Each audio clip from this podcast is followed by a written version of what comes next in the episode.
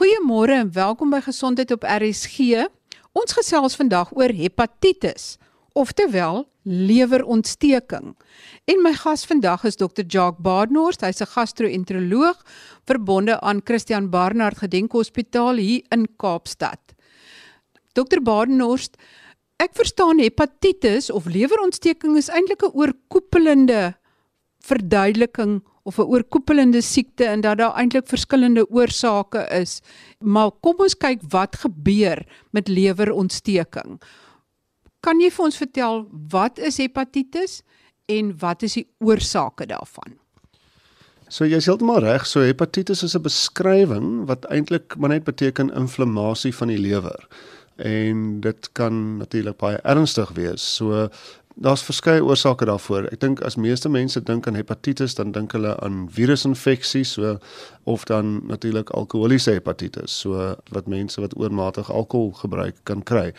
Maar die woordjie hepatitis kom in beide gevalle voor en en dis maar net 'n beskrywing om te sê daar's inflammasie in die lewer en as gevolg van die inflammasie kan bloedtoets op 'n sekere manier geïnterpreteer word en mense kan geelsigtig word van byvoorbeeld al is daar verskeie oorsake. Nou, kom ons praat oor die oorsake daarvan. Baie algemene oorsake sal virusinfeksies wees, so hepatitis virusinfeksies en daar's ook 'n hele paar variasies op die tema wat dit betref. So daar daar is die akute hepatitis wat mense kry. So dis dis ehm um, dis hepatitis A byvoorbeeld en dit is waar iemand blootgestel is aan die viruspartikels wat iewers op 'n oppervlakte lê en met handkontak en hand-mond-kontak word dit so oorgedra. Die die virus self word uitgeskei in in die fesies en dan op 'n manier lek dit so in die in die omgewing in dit kan baie ernstig wees en dit veroorsaak gewoonlik geelsigtigheid, maar in meeste gevalle kom meeste mense daaroor. So of dit kan selfs subklinies wees. Hulle sal nie eens weet hulle het dit het dit nie, maar simptome om dan uit te kyk voor sal wees geelsigtigheid in die oë of die handpalms of 'n verdonkering in jou urinekleur. So baie mense praat van 'n Coca-Cola kleur van hulle urine. Dis die vinnig oordraagbare of akuut oordraagbare hepatitis. Dan kry mense kroniese hepatitis virusinfeksies, hepatitis B en C en hulle is gekoppel aan spesifieke risikofaktore maar is bloedoordraagbaar of deur seksuele omgang met iemand wat die virus het. Baie van die gevalle word oorgedra van ma's na babas gedurende die geboorteproses, soos praat van Suider-Afrika of dan deur mense wat byvoorbeeld naalde deel, ehm um, wat intraveneuse dwelm ehm um, gebruikers is.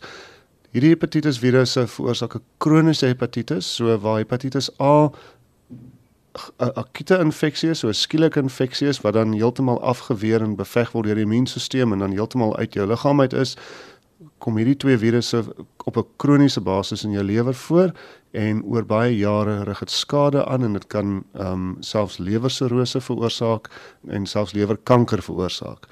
En dan is daar nog hepatitis D en hepatitis E wat tot in 'n mindere mate dieselfde tipe probleme kan veroorsaak, maar die die groot in die ja, die algemene oorsaak is is A, B en C. Hepatitis E is ook soos hepatitis A 'n virus wat wat akute infeksie veroorsaak en dan en dan afgeweer is. So dis die virusinfeksies en dan kan natuurlik baie ander virusse op 'n op 'n minder of meerdere mate 'n uh, 'n uh, akute infeksie veroorsaak. As mense nou maar dink aan klierkoors byvoorbeeld, bosluiskoors, baie van daai tipe infeksies kan ook op van korte duur lewer ehm um, inflammasie veroorsaak, maar dit word dan baie keer weet gaan dit weg en dis nie van lang lang duur nie dan sal die die toksine. So as ons praat van 'n 'n toksien wat wat lewer versaking of lewer inflammasie hepatitis kan veroorsaak, dan is die algemene waar een waarvan almal bewus is is alkohol. So oormatige hoë dosisse blootstelling aan alkohol oor baie jare kan inflammasie van die lewer veroorsaak en daai inflammasie veroorsaak dan um, littekenweefsel en as gevolg van daai littekenweefsel kry mense dan sirrose. So dis waar die lewer van 'n gladde egalige voorkoms gaan tot 'n knobbelrige um, voorkoms met met allerlei probleme wat dan selfs tot lewerversaking, met ander woorde lewer wat heeltemal ophou om sy werk te doen kan oorgaan. En dan sal baie ander toksine, ehm um, algemene medikasie, byvoorbeeld parasetamol kan in baie hoë doserings fataal wees. Dit is een van die van die bekendste en duidelikste en voorspelbaarste lewertoksine wat daar is. So mense wat in baie hoë dosisse, ons praat nou van 10, 15, 20 gram parasetamol op 'n enkel weet op 'n eenmalige basis inneem, kan fatale dodelike lewer ehm um, versaking ontwikkel as gevolg van 'n hepatitis. Ehm um, en dan is daar meer onvoorspelbare medikasies en daar kan basies enige medikasie waarna mens blootgestel is kan uh tot 'n geringe mate inflammasie veroorsaak. Hoekom ek sê dis minder voorspelbaar is dit is met parasetamol kan mens gewaarborg wees dat as jy baie hoë dosisse neem dat dit 'n inflammasie gaan veroorsaak. Met baie ander medikasie kan 3 uit 100 mense of 5 uit 100 mense 'n vreemde reaksie toon wat dan inflammasie in die lewer veroorsaak. En dis hoekom baie keer met spesifieke medikasies wat ons weet meer genee is om dit te veroorsaak ons die lewerfunksies moet monitor om seker te maak dat die pasiënt nie die 1 of 5 of 10 uit 100 is wat wat wat daai tipe inflammasie kry nie. Ek verstaan mense kan ook obstruktiewe hepatitis kry as daar dalk van die galsteentjies in die lewerbuisies beland. Mense wat uh, klein galsteentjies het, kan van tyd tot tyd galkoliek kry, so dis 'n 'n soort van 'n pyn en 'n naheid wat jou skielik oorval soms na 'n vetterige ete. En en by tye kan in rare gevalle daai steentjies in die galbuisies beland wat dan eh, basies soos 'n loodgietersprobleem veroorsaak en dat die buisie geblokkeer is en dan die gal terugstoot in die lewer en dan 'n obstruktiewe ons moet obstruktiewe geelsig veroorsaak. Met ander woorde, dis die gal wat oorspoel in die bloedstroom om nou in eenvoudige terme te stel en dan geelsigtigheid kan veroorsaak. Maar dis nie net galsteen byvoorbeeld ernstige toestande soos pankreaskanker kan dieselfde veroorsaak so die die kanker wat die galbuisies ehm um, obstrukteer en dan vir dieselfde rede kan die gal dan nie dreineer nie en dan spoel dit nou oor in die bloedstelsel en en manifesteer as geelsig. Sjoe, dit was 'n mondvol. Kom ons gaan net vinnig terug na die verskillende toksine. Ek onthou jare terug was daar aflatoksien wat in die swam milies wat swamme binne gehad het. En ek verstaan dat dit ook dalk lewerskade kon veroorsaak het.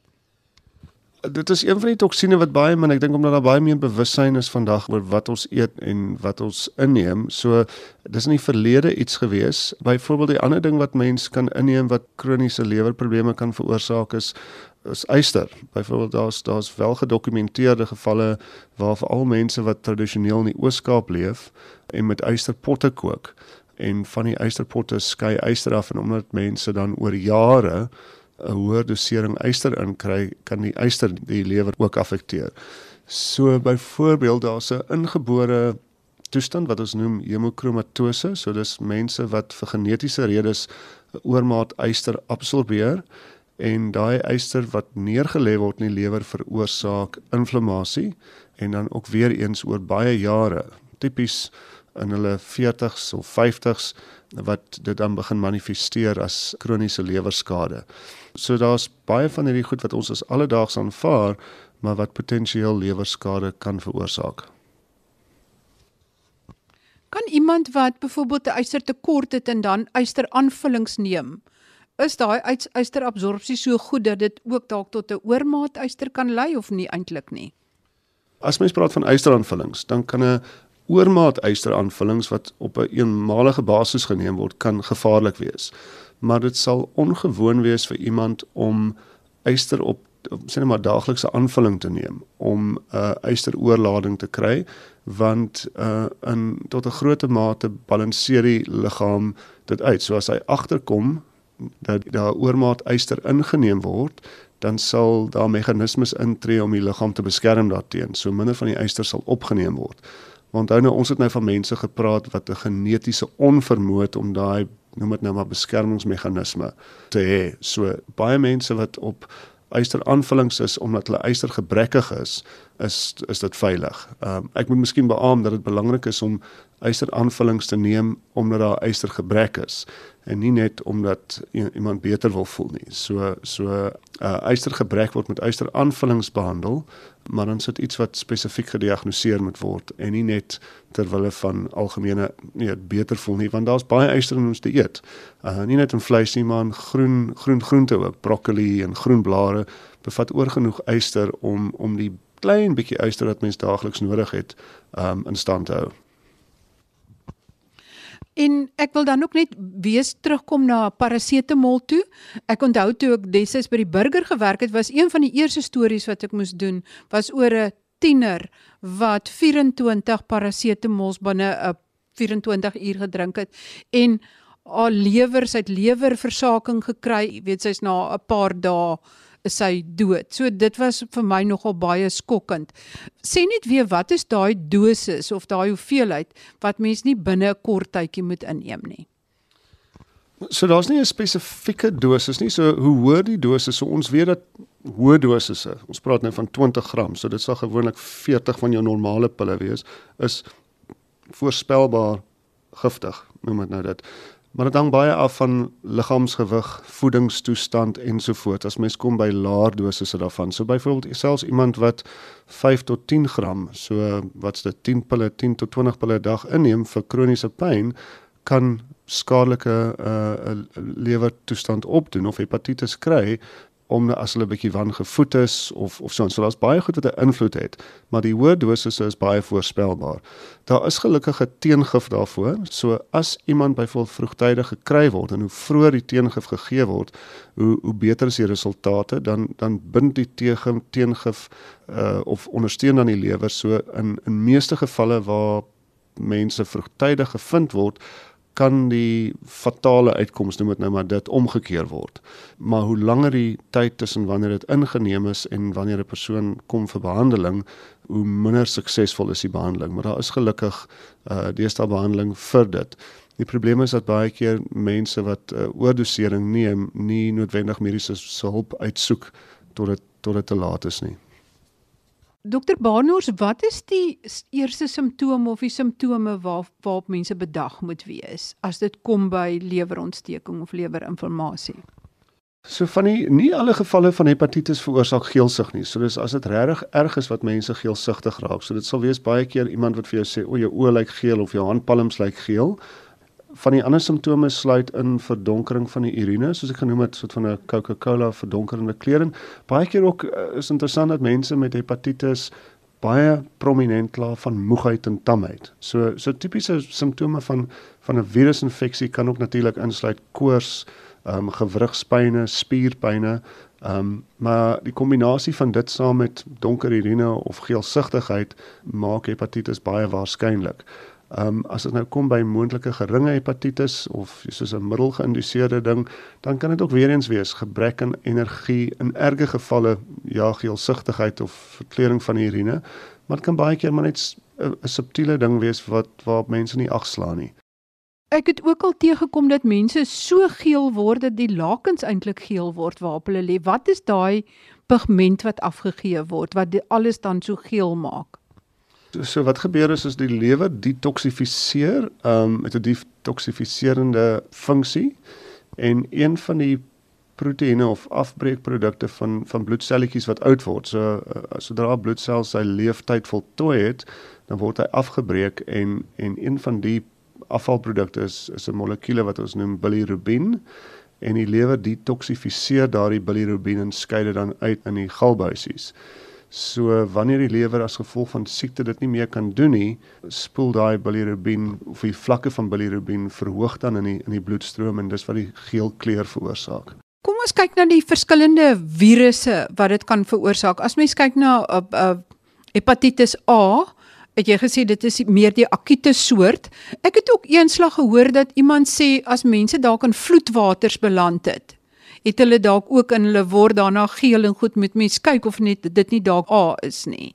Is dit omdat daar 'n uh, uitwerpsel of wat ook al in die vloedwater kom beland het en hulle dit dalk ingeneem het? Dit hou verband met die met hoe die virus propageer of versprei of aansteeklik word. So die virus word ingeneem oraal en dan repliseer die virus so maak miljoene weergawe van homself in die in die liggaam en en daai virusse word dan weer deur die gastro-intestinale stelsel uitgeskei as iemand aan toilet toe gaan.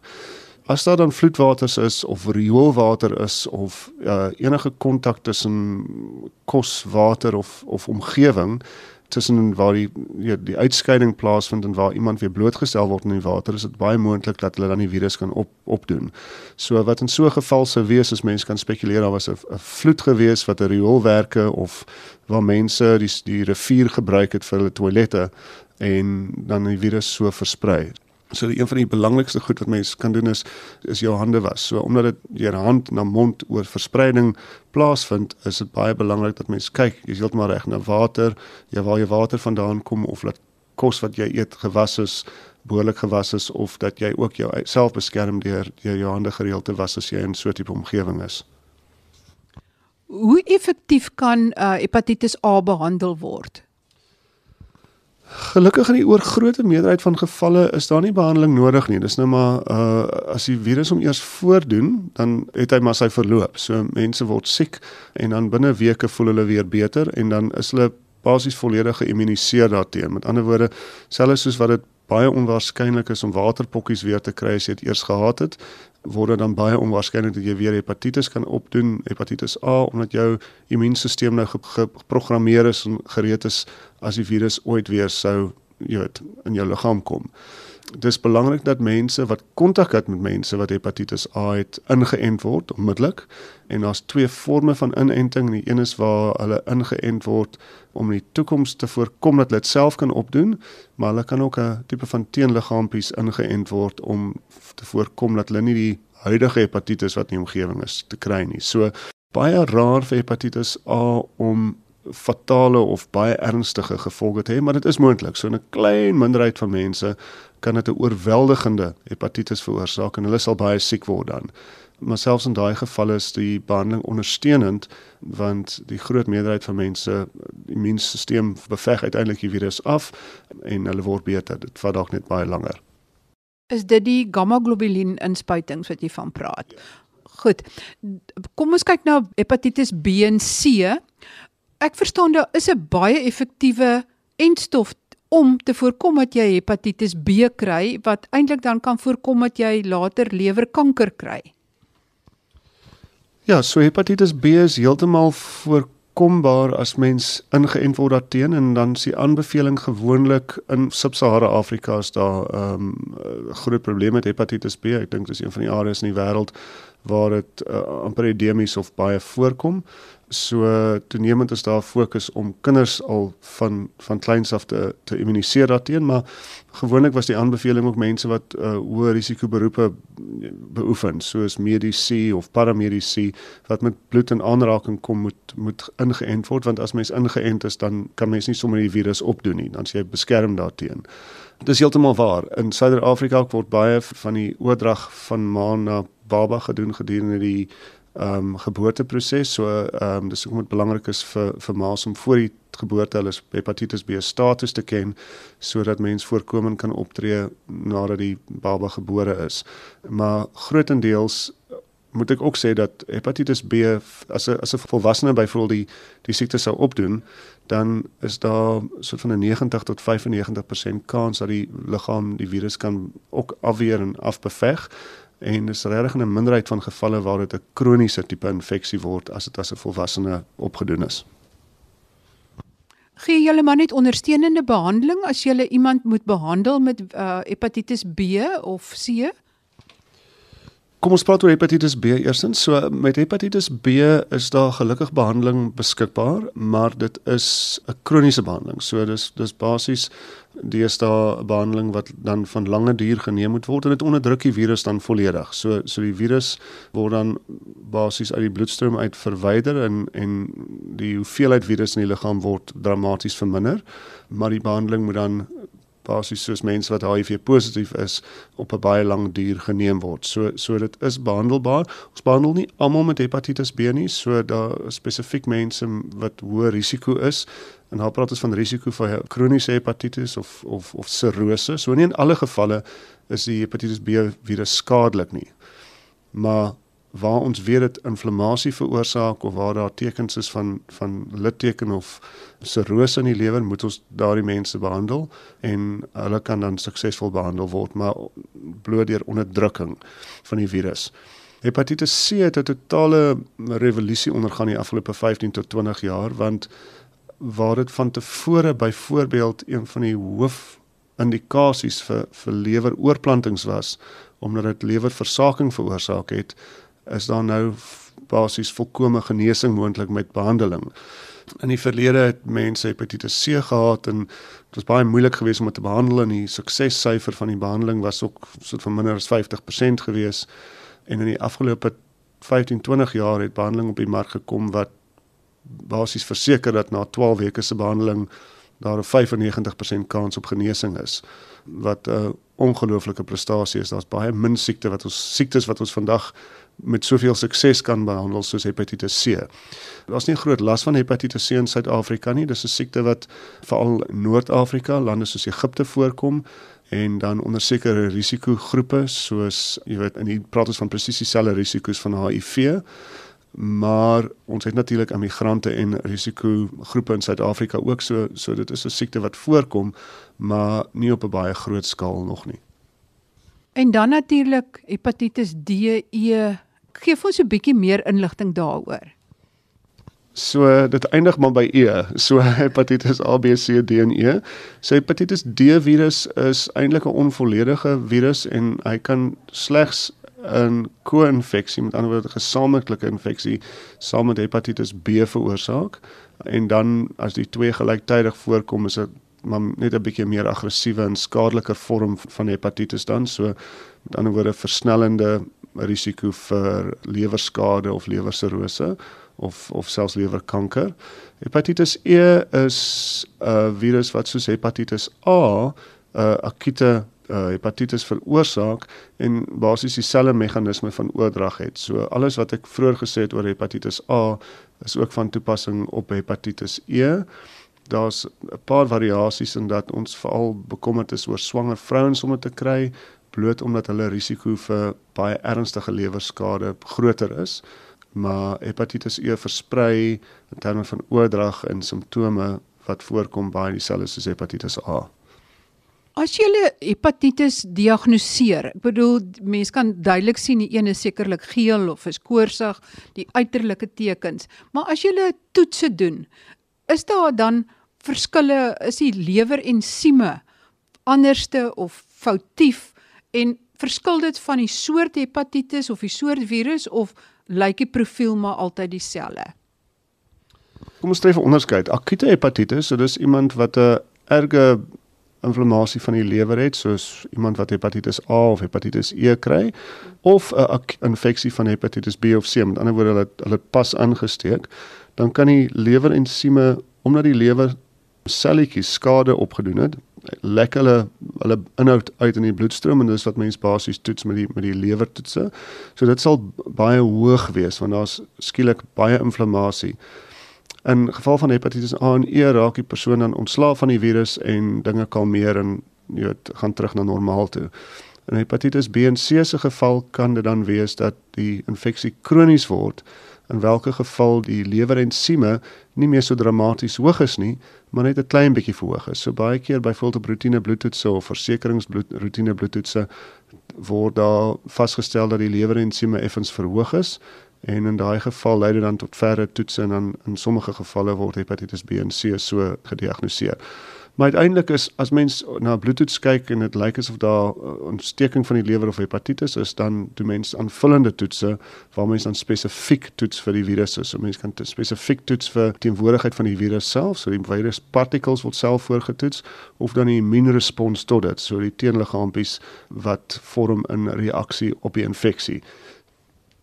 Dokter, as jy 'n boodskap moet gee aan 'n luisteraar wat nou sit en luister, wat is daardie huis toe neem boodskap oor hepatitis wat jy wil hê die mense moet onthou?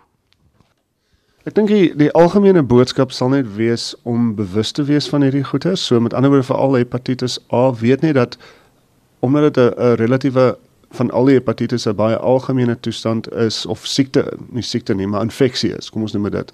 Weet net dat as jy blootgestel is, dan is daar moontlikhede om dit te voorkom. Oor die algemeen beklemtoon die die feit dat hepatitis A voorkom, maar net die belang daarvan om om goeie handhigiëne te hê en en jou hande gereeld te was as jy in 'n vreemde omgewing is. wat hepatitis B en C betref, is dit meer soort van mense wat hoë risiko het daarvoor wat maar net moet bewus wees daarvan en getoets moet word daarvoor, maar weer eens dit dit is ook behandelbaar of kan voorkom word met immunisasie. En dan in terme van toksine en so aan is dis baie ongewoon om ehm um, toksien reaksie te hê maar wees ook net geneig daarmee dat as jy miskien op kroniese medikasies dat jy maar altyd met jou dokter bespreek wat die potensiële neeweffekte is van enige medikasie waarop jy is want in sommige gevalle sluit dit lewerprobleme in waarvoor 'n mens kan monitor en ook weer eens voorkomend kan optree. Baie dankie aan Dr. Jacques Badenhorst, gastro-enteroloog verbonde aan die Christian Barnard Gedenkhospitaal in Kaapstad met al hierdie interessante inligting oor geelsig en hepatitis van die twee is nie presies dieselfde nie en neem tog kennis van die toksine en veral middels soos parasetamol wat tot lewerversaking kan lei groot hoeveelhede op een slag tot volgende week wanneer ons weer oor gesondheidsake gesels. Groete van my Marie Hudson